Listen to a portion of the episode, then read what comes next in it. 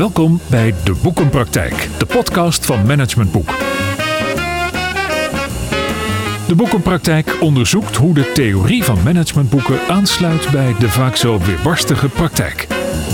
Uw presentator is Willem van Leeuwen. Laten we stoppen sexy maken. Dan gaan we stoppen zien als actie en doorgaan met een doodpaard als niets doen. Deze opmerkelijke aanbeveling doet Marije van den Berg om het stoppen met zinloze acties en projecten in organisaties aantrekkelijker te maken in haar boek Stop, Stopstrategie voor organisaties. Nou zijn we nog maar net begonnen, dus we gaan nog even niet stoppen. Welkom bij de Boekenpraktijk, de podcast van Managementboek. Mijn naam is Willem van Leeuwen en in deze Boekenpraktijk onderzoek ik in hoeverre de theorie van managementboeken aansluit bij de vaak zo weer bastige praktijk. Vandaag is dus auteur Marije van den Berg te gast. Naar aanleiding van haar nieuwe opmerkelijke boek Stop. Stopstrategie voor organisaties. En mijn andere gast is Lodewijk van Noord. Hij is senior communicatieadviseur bij de gemeente Den Haag. En ambassadeur van de duidelijke taal. Dus we moeten even opletten hoe we dingen formuleren in deze podcast. Maar ik begin het gesprek met Marije. Behalve auteur van dit nieuwe boek noem je jezelf dus ook stopstrateeg. Wat doet een stopstrateeg precies, Marije? Helpen bij echt stoppen. En Hoe, goed hoe doe je stoppen. dat? Nou ja, ehm, wat je ziet in organisaties is dat we vaak nieuw en anders aantrekkelijker en sexy vinden, hè, om het woord nog maar eens te laten vallen.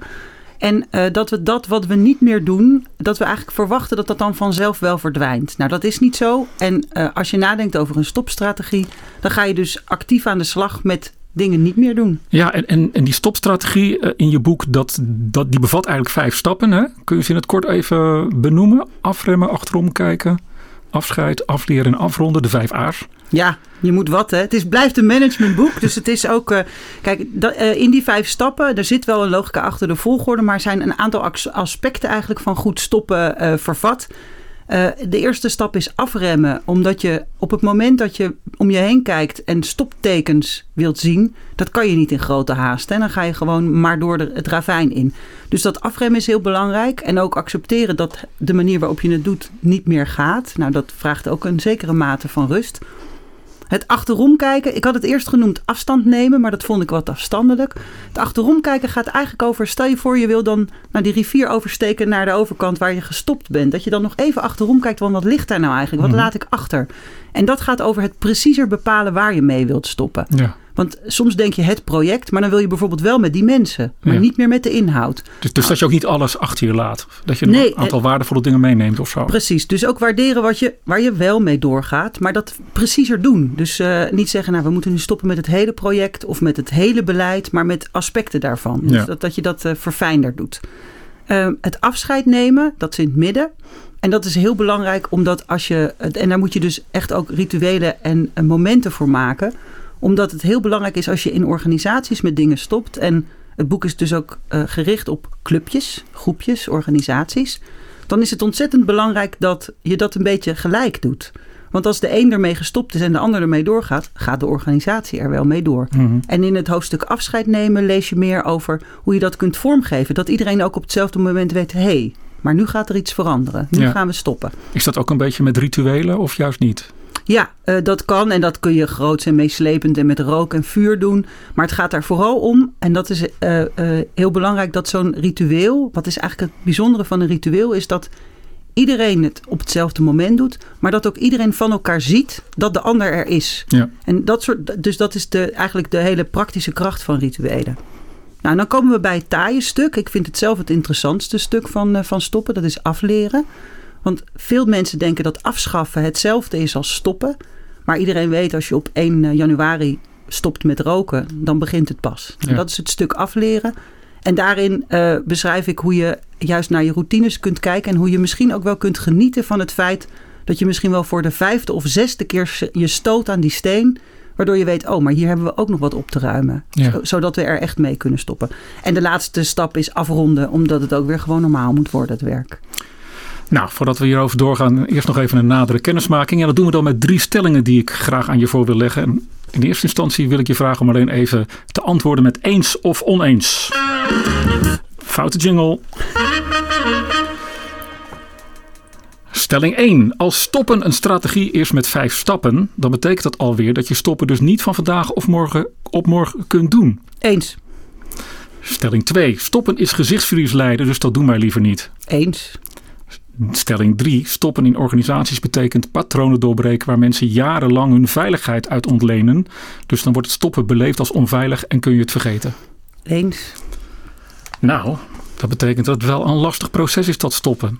Ja, en, en, over die eerste, ik zei meteen eens. Hè, van, uh, dat, dat, kost, dat kost lang de tijd. En terwijl ik eens zei, dacht ik ja, maar, maar dat mocht niet hè, bij deze stelling. Dus uh, uh, kijk, stoppen kan ook heel plots zijn. Want dan gaat het over dat je ineens ziet dat het anders is. Ja. Uh, dus wat ik bijvoorbeeld, ik heb een voorbeeld in het boek en uh, dat gaat over dat je bepaalde overtuigingen.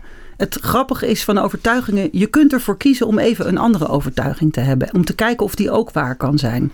En dan kan je zomaar van het een op Maar heb je daar een voorbeeld van? Dat klinkt wat moeilijk voor mij. Je nou, kunt... uh, het voorbeeld wat ik geef is, uh, uh, gaat over een, een organisatie waar ik was. En daar was een rare procedure voor de kolfruimte.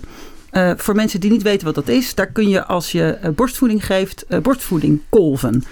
En die ruimte zat op slot. en de sleutel was bij de facilitaire diensten verdieping hoger. En toen vroeg ik van, goh, is dat nodig? Ja, want uh, die ruimte is alleen voor, uh, voor kolvende vrouwen. En dan, maar ja, als je uh, borstvoeding geeft, dan, dan, is het soms wat acuut. Ja. Dus dan is het eigenlijk heel onhandig dat je... Ik zei, sleutel nou, moet kun, gaan halen. sleutel moet gaan. Kun je ook een tijdje werken volgens de overtuiging dat heus niet iedereen in, dat in die ruimte gaat zitten als daar kolfruimte op staat. En dat als daar eens een keer iemand zit te bellen en jij komt daar met lekkende borsten aan, dat mensen dan gewoon wel weggaan. Kun je die ruimte misschien gewoon alleen van binnen op slot draaien en niet ook van buiten. En, dat is, en daarmee kun je dus. Dus dat bedoel ik met dan kun je snel stoppen. Die overtuiging kun je uitproberen. Ja. Als het dan helemaal in de soep draait, kan je altijd weer terug naar je overtuiging. Dit kan niet. Oké, okay, ja. Maar je zegt ook, je was het ook eens met de stelling stoppen is gezichtsverlies, gezichtsverlies lijden. Moeilijk woord voor mij, dus dat doen we liever niet. Um, en als ik dat optel bij die andere stelling, hè, namelijk dat we uit veiligheid uh, liever dingen blijven doen dan dat we, dat we ermee stoppen. Want daar ontleen je geen status aan en je bent geen held als je ergens mee stopt volgens mij. Het is meer dat het, het gezien wordt als een mislukking, in, ook in organisaties. Ja, dan, dan kun je toch eigenlijk stellen dat stoppen een beetje een utopie is. Ja, uh, nou ben ik zelf een heel positief ingesteld mens. Dus ik, ik, word, ik ga niet zuchten van het woord utopie.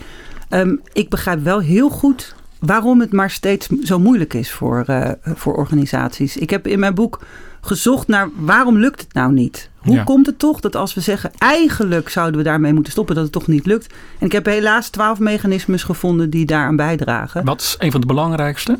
Nou, waar jij zelf over, waar jij zelf over uh, sprak was uh, gezichtsverlies. En, uh, en dat is die, die kent iedereen ook wel, de sunk cost fallacy of verstrikking.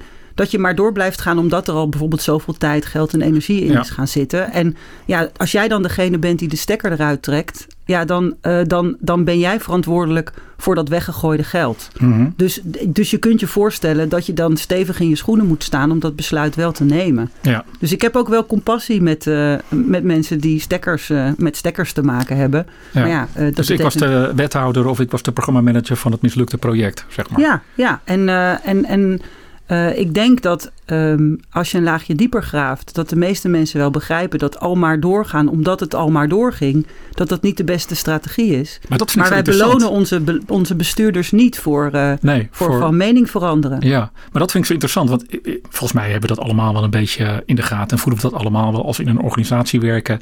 Dan zeggen we een beetje, misschien zeggen we dat uh, tijdens het plassen tegen elkaar op het toilet van waarom stoppen we er niet gewoon mee? En toch gaan we er maar mee door. Dus um, is, er dan, is er dan een, ja, wat is er dan nodig om op een gegeven moment toch gewoon te zeggen, nu, nu doen we het echt, nu stoppen we er echt mee. Wat, wat, wat is dan zeg maar ja, de finishing touch daarin? Ja, oh, de finishing touch. Nou, ik, ik moest meteen denken aan uh, in het hoofdstuk afleren, uh, beschrijf ik, uh, er is wel wat wetenschappelijke literatuur over. En een van de belangrijkere aspecten van kunnen stoppen of afleren is dat je een cultuur hebt in de organisatie waarin dat ook gewoon mag. Dus dat betekent bijvoorbeeld dat leidinggevenden zelf ook uh, kunnen zeggen: hey, ik vind het ingewikkeld, maar ik ga het toch niet doen. Of, en wat ook heel belangrijk is, is dat je het hardop doet. Dus dat op het moment dat je je bijvoorbeeld weer aan die steen staat, je denkt: oh, daar gaan we weer. We gaan ja. weer toch wel, uh, uh, weet ik veel, een regel verzinnen. Terwijl we hadden gezegd dat we dat niet zouden doen.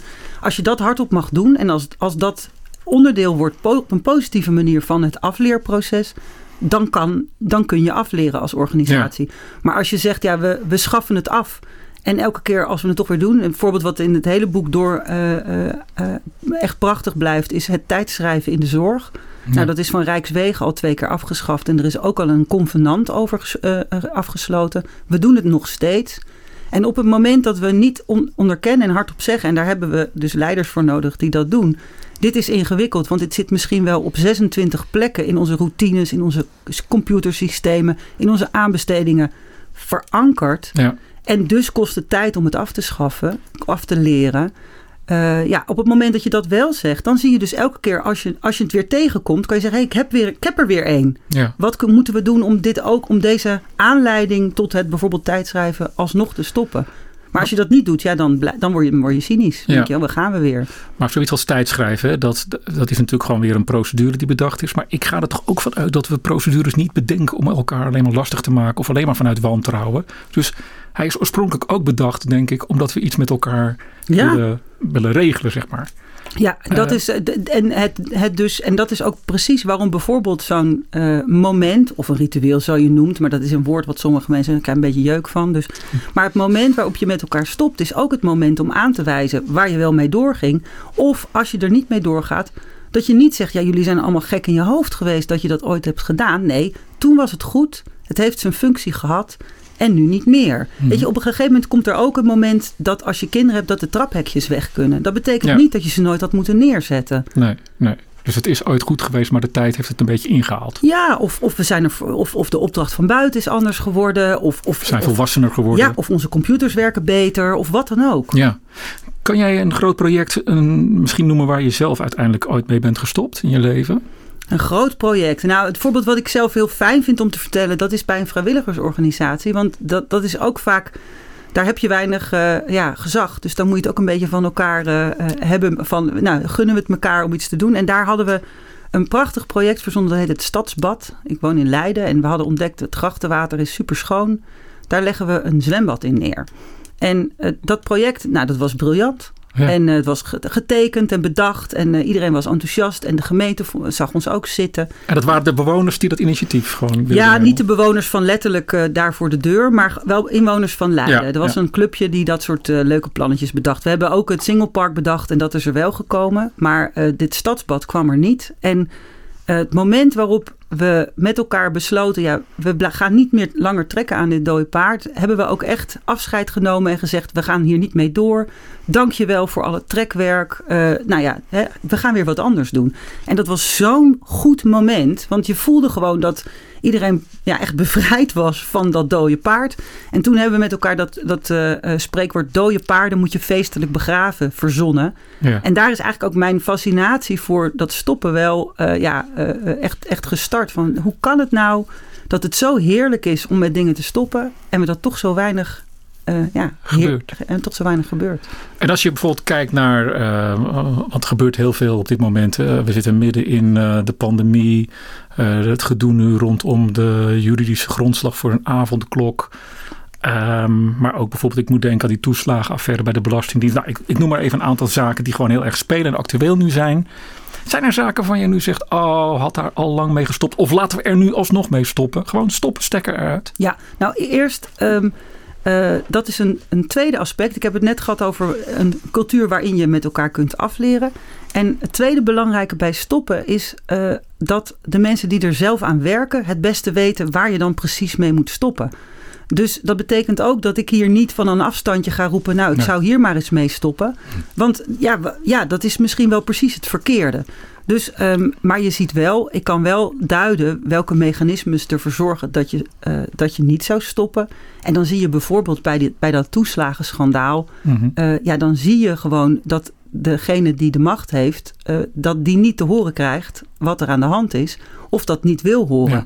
En dat betekent dus dat daar al helemaal geen cultuur was van, nou we brengen eens even het gedoe naar de bestuurder. Mhm. Terwijl als je uh, wilt kunnen stoppen, ja dan moet iemand je ook kunnen vertellen, ja dat prachtige smetteloze uh, routetje naar het einddoel dat jij ooit verzonnen hebt, het werkt niet. Nee. Of het leidt zelfs tot hele ernstige, uh, ja. verschrikkelijke dingen. Dus, en dat is. en dus dat, wordt vaak niet gezegd natuurlijk. Hè? Nee, en dat speaking truth to power, ja, dat zijn, dat zijn stoppers. En op het moment dat jij in je organisatie dat soort tegengeluid of dat soort eenlingen uh, ja, dat die weggepoetst worden in, uh, in zo'n beleidsproces, ja, dan heb je wel een probleem. zijn een beetje de klokkenluiders die eigenlijk uh, op een zijspoor worden gezet. Nou ja, kijk, en een klokkenluider, dat is iemand die al heel vaak gewoon intern heeft geroepen: joh, misschien is het niet zo'n goed idee. Hmm. He, je, klokkenluider wil je never nooit niet zijn. En dat was ook wel, dat vond ik ook wel opvallend hoor, in, in die toeslagenschandaal, want jij noemde het toch dat uh, Rutte bijvoorbeeld. Uh, er was een, iemand en die had een notitie geschreven uh, in opdracht van haar management. om, om iets te zeggen over die rechtmatigheid van die, van die toeslagen ellende. En ja. zij had gezegd: het is onrechtmatig. Rutte definieerde dat als een klokkenluidersnotitie. Maar dat was het helemaal niet. Het was, ze had gewoon netjes een notitie gemaakt, keurig in opdracht van haar management. Ja. En het feit dat de hoogste baas van dit land een notitie waarin iets onwelgevalligs staat, definieert als een klokkenluidersnotie, ja, dan gaan bij mij echt alle alarmbellen aan. Want dat betekent dus uh, dat, het, dat je dus alle, ja, alle tegengeluid meteen dissident verklaart. Ja. En als dat de cultuur is, nou noem het de Rutte-doctrine. Ja, dan gaat het echt heel erg mis in een organisatie. Ja, maar dat, is denk ik wel wat vaak gebeurt. Hè? Dat is een soort van, op het moment dat er een tegenkracht ontstaat in een organisatie. Dus iemand die de lef heeft om te zeggen, moeten we hier niet gewoon mee stoppen. En dat eh, vanuit een zuivere intentie steeds bespreekbaar wil maken. Dat is misschien wel het patroon van laten we dit soort mensen en dit soort geluiden vooral uh, een beetje negatief framen en in een hoek zetten, toch? Nou ja, eh, ik denk dat iedereen, als je dit zo beschrijft, dat, dat herkent en ook snapt dat dat niet zo handig is. En dan?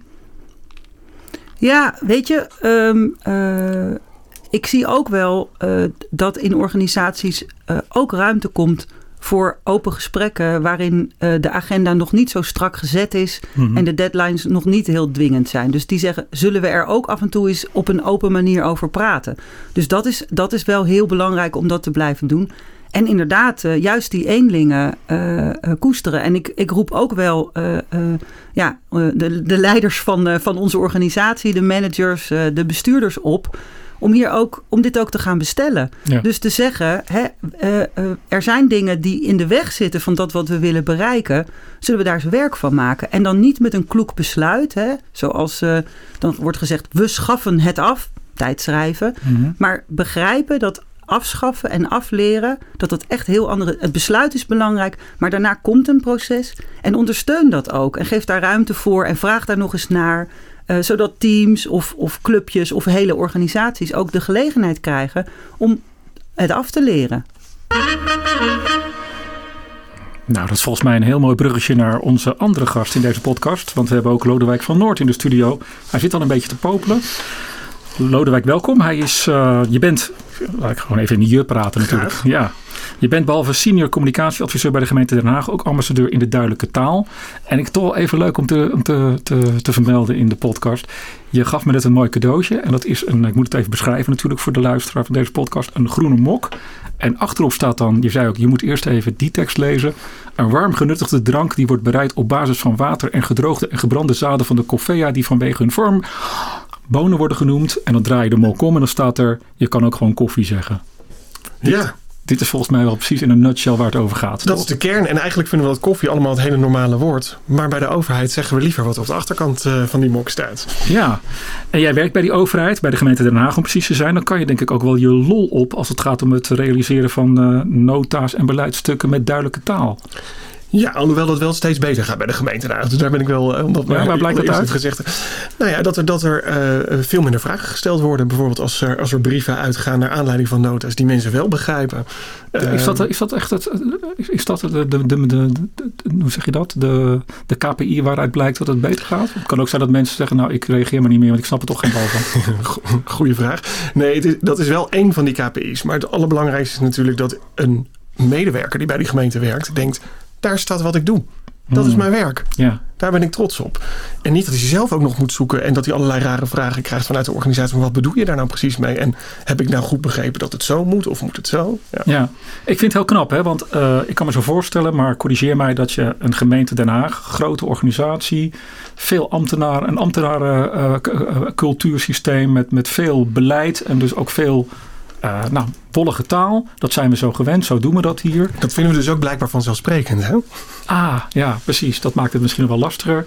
En dan komt Lodewijk en die zegt, ik ga er eens even veranderingen in aanbrengen. Hoe moet ik dat dan voor me zien? Ik bedoel, het is een beetje deukende plak, pakje boter slaan, lijkt me, of niet?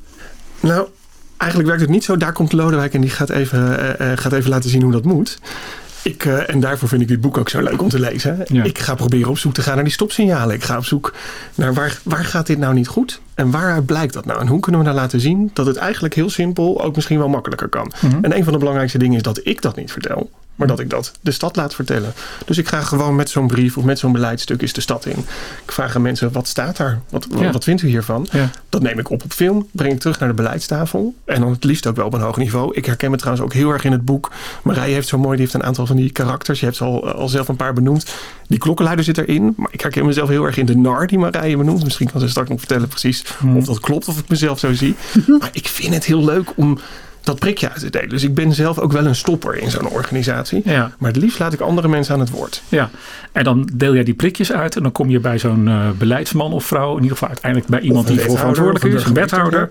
En die voelt zich heel deskundig omdat hij, heel, omdat hij iets heel moois in vaktaal op papier heeft gezet. En dan zeg je ja, eigenlijk, dat moet je anders doen. En dat is dan helemaal niet in, in, in lijn met het belang van zo iemand toch? Nee, want er zitten natuurlijk allerlei belangen ook aan, de, aan, die ingewikkelde taal. Het is ook soms heel goed om, om vaag te spreken. En soms is het ook bewust. Hè? we, we, weten soms misschien zelf ook nog niet zo goed wat we eigenlijk bedoelden. En dan, of we willen iets juist niet vertellen. Ja. Um, maar je raakt, en daar raak je wel de kern hoor. Je raakt als het om heldere taal gaat heel erg iemand zijn ziel. Zijn ziel die in dat stuk zit. Iemand die daar heel lang ja. aan heeft gewerkt. Ja. En eigenlijk hadden we het, uh, alle jullie het er net in het gesprek natuurlijk ook al over. Dat ja, je zegt dan eigenlijk, je hebt je werk niet goed gedaan. Of je hebt iets niet goed gedaan, of je hebt iets niet gezien. Waar ik avond op heb zitten. Waar iemand avond op heeft zitten werken. En hoe het systeem ook is ingericht. Hè? Want zo werkt het. Een wethouder bestelt een stuk. Ja. En die krijgt een stuk vol vaagtaal. Wat, maar wat, wat, wat bereik je dan uiteindelijk toch? Of nee, ik moet het anders vragen. Wat, wat is dan de strategie die je toepast waardoor je toch een luisterend oor krijgt bij bijvoorbeeld die wethouder. Dat hij zegt, Lodewijk, je hebt gelijk, ik moet dat allemaal veel puntiger opschrijven. Ja, de strategie die ik gebruik is, is wat ik net al zei. Ik laat de ontvanger uiteindelijk gewoon aan het woord. En laten zien wat er gebeurt. Want ik kan het wel zeggen, ik ben communicatieadviseur. Ik, weet heel, ik denk dat ik heel snel zie of een tekst wollig is of niet en hoe die beter kan. Maar mijn onderwerp, en dat is het ingewikkelde ook voor mensen die met dat stoppen bezig zijn. Je bent niet de meest populaire persoon vaak in je organisatie. Nog niet. Daar moet je echt aan bouwen. Ja. Uh, maar die burger, ja, die, die, die liegt niet. Nee. Um, is hij nou inderdaad een nar? Want dat vroeg je je al af, hè, Lodewijk. Kunnen we hem zo typeren in zo'n organisatie? Ja, uh, op het moment dat hij, uh, nou ja, de, de, nou, speaking truth to power zei ik net al. Mm -hmm. Op het moment dat hij laat zien, ja, dit werkt dus echt niet. Kijk maar, degene voor wie de brief bedoeld is, snapt hem niet. Ja, dan, en hij brengt dat een beetje vrolijk, dan is hij een nar. Dus ik zou zeggen, doet, ga daar vooral mee, mee door. Uh, wat hij ook wel heel duidelijk laat zien, is hoe belangrijk het is ja, om uh, in, in mooi Nederlands die feedback loop goed te sluiten. Dus het effect van de dingen die je doet. Uh, uh, als die niet brengen wat ze moeten brengen, dan moet je ermee stoppen. Maar vaak zien we pas die, die, feedback veel later of komt die niet terecht bij de mensen die hem veroorzaken. En dat is ook onderdeel van dat afleren om die, om ja. die loop te sluiten. Ja. Dus, en, ja, en op het moment dat hij eigenlijk de uitwerking van zo'n brief gaat ophalen in de stad. En dat dan de organisatie in, in zult en neerlegt waar het nodig is. Ja, dan brengt hij dus die, dat, dat cirkeltje, maakt hij rond. En, dan, en dan krijg je wel zo'n ja, zo'n klik, denk zo'n blue pill, red pill moment à la de Matrix. Van hé, hey, maar dit is ook gewoon helemaal niet wat we moeten doen. En dan kan het ineens heel veel vaart krijgen, dat stoppen. Ja, je ziet het heel duidelijk bijvoorbeeld bij uh, participatietrajecten van uh, allerlei uh, Moeilijk woord, participatie. Dus waar je, waar je wilt dat burgers gaan meedoen of meedenken of meebeslissen. Mm. En elke keer zie je dezelfde mensen daar. Dus elke keer wordt aan ons gevraagd, waarom komen nou niet die mensen die we nooit zien? Ja. Dat heeft heel vaak te maken met dat je ze helemaal niet aanspreekt. Dat je ze niet op een goede manier bereikt. Mm. Daar laat je ook heel goed zien als je dan dus inderdaad de, de, aan de goede knoppen draait, dat je dat wel kan bereiken. En dan zie je opeens bij zo'n bijeenkomst, zie je opeens die mensen die je normaal gesproken niet zat, dus die unusual suspects. En dan denkt zo'n beleidsambtenaar, oh, ze kunnen dus wel naar binnen. Maar dat heeft puur en alleen met die taal te maken. Maar je zegt er aan de goede knoppen draaien. Wat heb je dan gedaan om dan zeg maar die, die misschien wel zwijgende meerderheid die je nooit ziet wel uh, ineens binnen te nou, krijgen? Laat ik het heel concreet. Een, een voorbeeld. Uh, bijvoorbeeld jongeren. Dat is altijd zo'n moeilijke groep. Trouwens, de jongeren bestaat natuurlijk helemaal niet. Dus dat, mm. zeg, dat is altijd het eerste wat ik teruggeef. Er zijn, er zijn natuurlijk allerlei verschillende soorten jongeren. De niet VWO politiek café jongeren. Precies, niet, niet, niet, niet die, die, die, jongeren die ik zelf was op het Stedelijk Gymnasium in Leiden. Zeg. nee, nee, dus niet die jongeren. Hoe krijgen we die nou binnen? Hoe krijgen we die nou? Door het aan de jongeren te vragen. Door aan de jongeren te vragen hoe er naartoe. komen. Er, naartoe. Hoe, hoe kunnen we jou nou wel betrekken? Dus ga naar een mbo-school. Ga naar een, een, een buurtcentrum. Ga op straat vragen. Hoe, waarom, wanneer zou je wel meedoen? Het was heel makkelijk. Het bleek bij ons gewoon te gaan van zorg dat het op een leuk tijdstip is en dat er iets te halen valt zoals een pizza. Nou, je organiseert het en ze waren er wel. Pizza sessie. Het lijkt soms, soms zijn de oplossingen heel simpel. Ja, maar wel heel mooi denk ik. En toch een beetje out of the box. Zo klinkt het. Nou ja, het grappige is eigenlijk dat we dat dus out of the box noemen. Moeten noemen, ja. Ja, en het, dat, dat is ook precies waar, waar het dus over gaat. Hè. Dit is iets nieuws, dat voegen we toe. Buiten de box. En stoppen gaat heel erg over wat gebeurt er ondertussen in die box. En is het niet eens tijd om daar ook eens naar te kijken? En het leuke is dat, dat op het moment dat je dat dus doet... Ja, het helpt dan wel als er ook iets is om naar over te springen. Ja. Dus jij noemde in het begin ook van ja, stoppen voelt onveilig. Nou, ik, ik, eh, ja, dat, ik, angst is niet mijn emotie, maar ik kan me heel goed voorstellen dat dat bij sommige mensen zo werkt. En ik sprak bijvoorbeeld een, iemand die heel erg in de wereld van de banken uh, en de duurzame beleggingen werkt. En dan zei hij, deze wereld is gebakken van behoud en risicomijden. Dus je kunt daar niet iets afbreken voordat er iets echt heel goeds nieuws staat. En een probleem bij stoppen is vaak dat dat nieuwe zo leuk en lekker is dat we het er aan toevoegen. En dat we dan dus verzuimen om wat oud weg te breken. En dan worden we dus uiteindelijk gek van alle stapels. Dus, maar, maar dat is dus wel een, een, een risico dat je het altijd maar toevoegt. Maar ik ben er ook wel genuanceerder over geworden, omdat ik dacht, ja, maar sommige uh, branches of mensen hebben het echt nodig om, uh, ja, om over te springen. Ja, om eerst het nieuwe helemaal te omarmen voordat ze. Ja, dus, dat, dat, en dus die, die, dat diffuse daartussenin, nou, daar moet je dus juist ook heel alert zijn op, op het feit dat je het allebei aan het doen bent. En, en dan moet van dat oude wel wat afgaan. En dan moet de bestuurder niet denken: oh mooi, we doen ook pizza-sessies, we zijn klaar. Nee, maar dan is, moet je ja. ook die afgerokte inspraakavondtafeltjes ja. moet je ook gaan verminderen. Ja. Anders wordt het alleen maar erbij. En dan, wordt, nou, dan worden mensen ook al gewoon gek. Ja, ik wil toch even naar, uh, naar de, de, de casus van, van, van Lodewijk. Want we hebben je ook gevraagd om uh, een casus en een, een vraag in te brengen. Um, wat is jouw casus?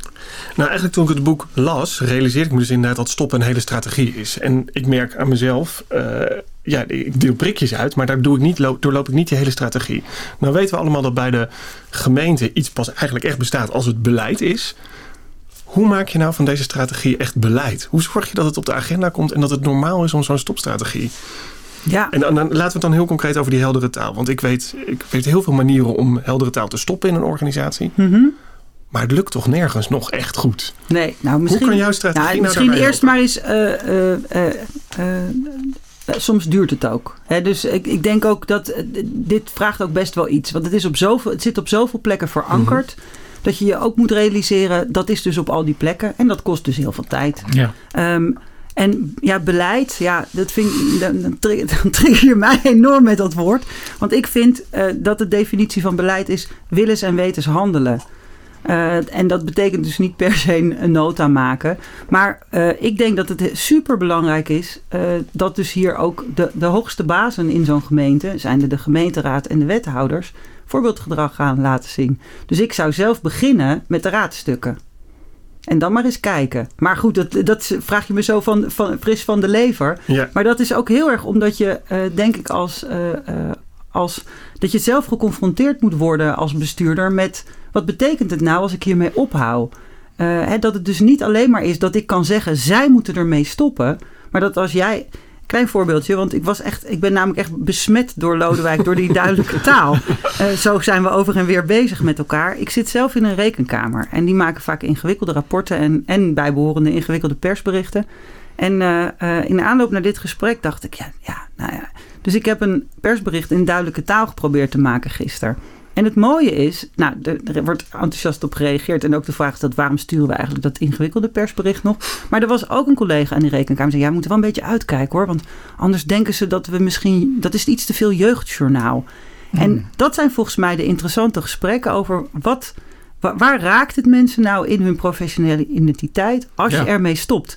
En ik denk dat als jij hofnar bent en je hebt uh, toegang tot, tot uh, de, de bovenkant van de apenrot dat je in gesprek moet gaan met, met, die, met die mensen over waar raakt dit nou aan jouw professionele identiteit? Wat maakt het lastig?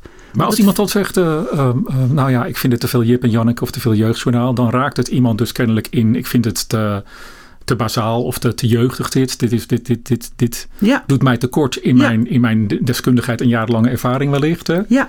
Dit is iemand van, uh, van 12, maar niet iemand van 42 die al 25 jaar in dit vak zit. En dan? Dan, dan weet je dat? Ga je dat dan toch weer aanpassen? Of? Nou ja, kijk, aan Lodewijk moet je vragen hoe je, hoe, je hoe je dat vervolgens rondom duidelijke taal doet. Want ik pretendeer daar geen expert in te zijn. Maar ik denk wel dat je op het moment dat je. Hè, wat heel belangrijk is, is dat je je realiseert dat het heel logisch is om ermee door te gaan. En hoe beter je weet waar die logica nou eigenlijk allemaal zit, zit dat in uh, inderdaad opvattingen over hoe goed werk is.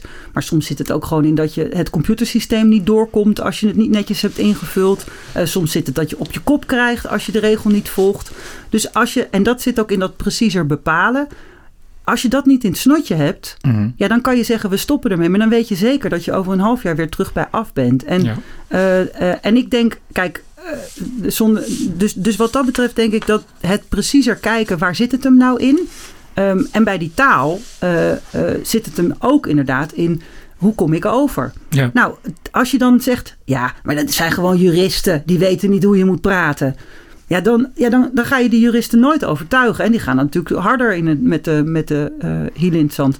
Dus dat met elkaar dan maar eens een laagje dieper uitpluizen. Wat mhm. betekent het dan als we zouden stoppen? Of wat remt jou om te stoppen? En daar dan ook de tijd voor nemen om, dat, nou, om daar recht aan te doen. Ja. ja, als je dit zo hoort, Lodewijk, wat, eh, wat denk je allemaal?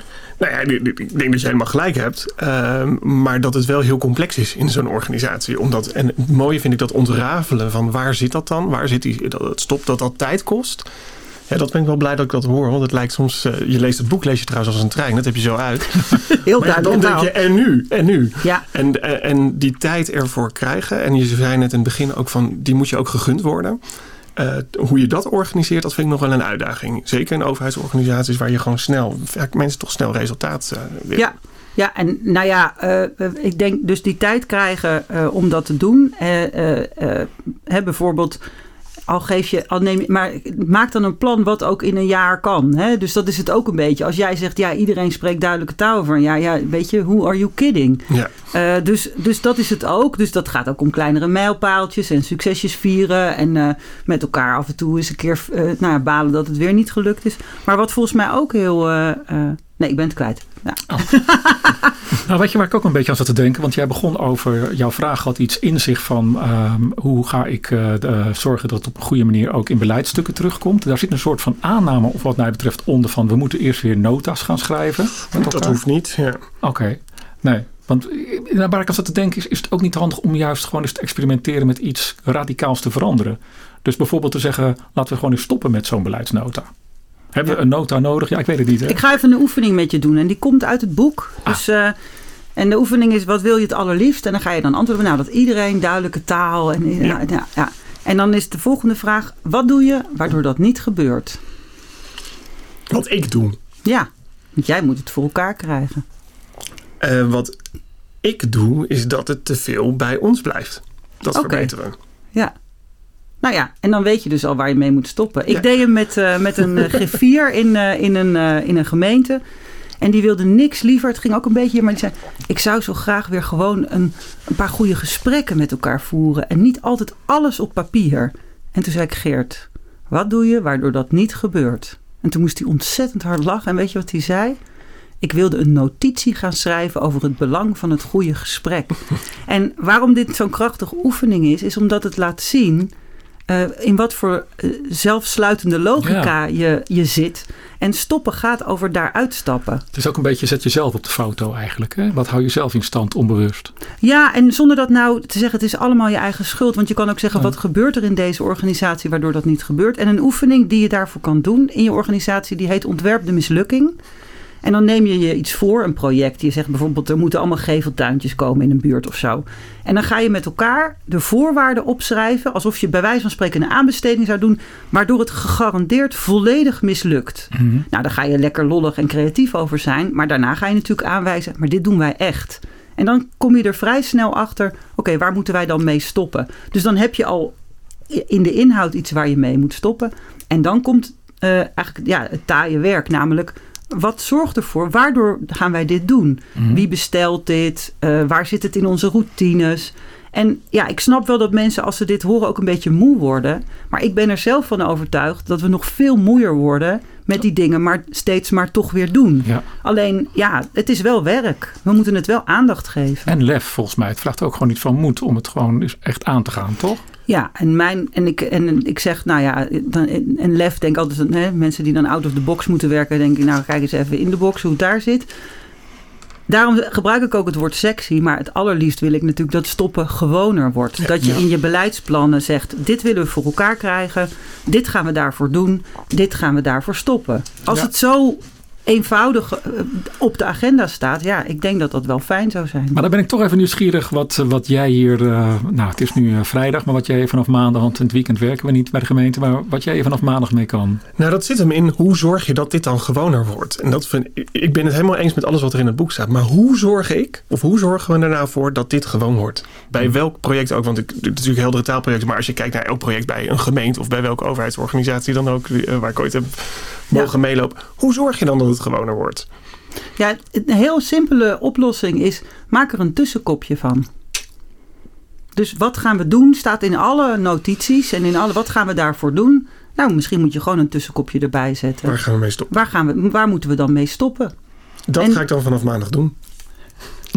nou, dat klinkt heel overtuigend. Dat hebben we bereikt, toch? Ja. Het tussenkopje is geplaatst bij deze. Zeker. Oké. En daarmee zijn we aan het eind gekomen van deze podcast. Dus ik wil jullie van harte bedanken voor de deelname. Marij van den Berg en Lodewijk van Noord. Ik denk dat we op basis van dit gesprek ons veel meer mogen focussen op de vraag... welke dode paarden kunnen we feestelijk gaan begraven? Wat we in ieder geval nog zeker niet gaan begraven is jouw boek, Marije. Want we weten sinds kort dat die is toegetreden tot de shortlist van Managementboek. Gefeliciteerd daarmee. Ik verwijs jou als luisteraar van deze podcastaflevering heel graag naar de volgende aflevering, die over twee weken weer op alle grote podcastkanalen te vinden zal zijn. Ook daarin spreken we weer met een auteur over zijn of haar opmerkelijk recent verschenen managementboek en plotten we de strekking van dit boek op een actuele casus uit de praktijk. Rest mij je hartelijk te danken voor het beluisteren van deze podcast. Heb je vragen, opmerkingen of suggesties? Mail het dan SVP naar info.managementboek.nl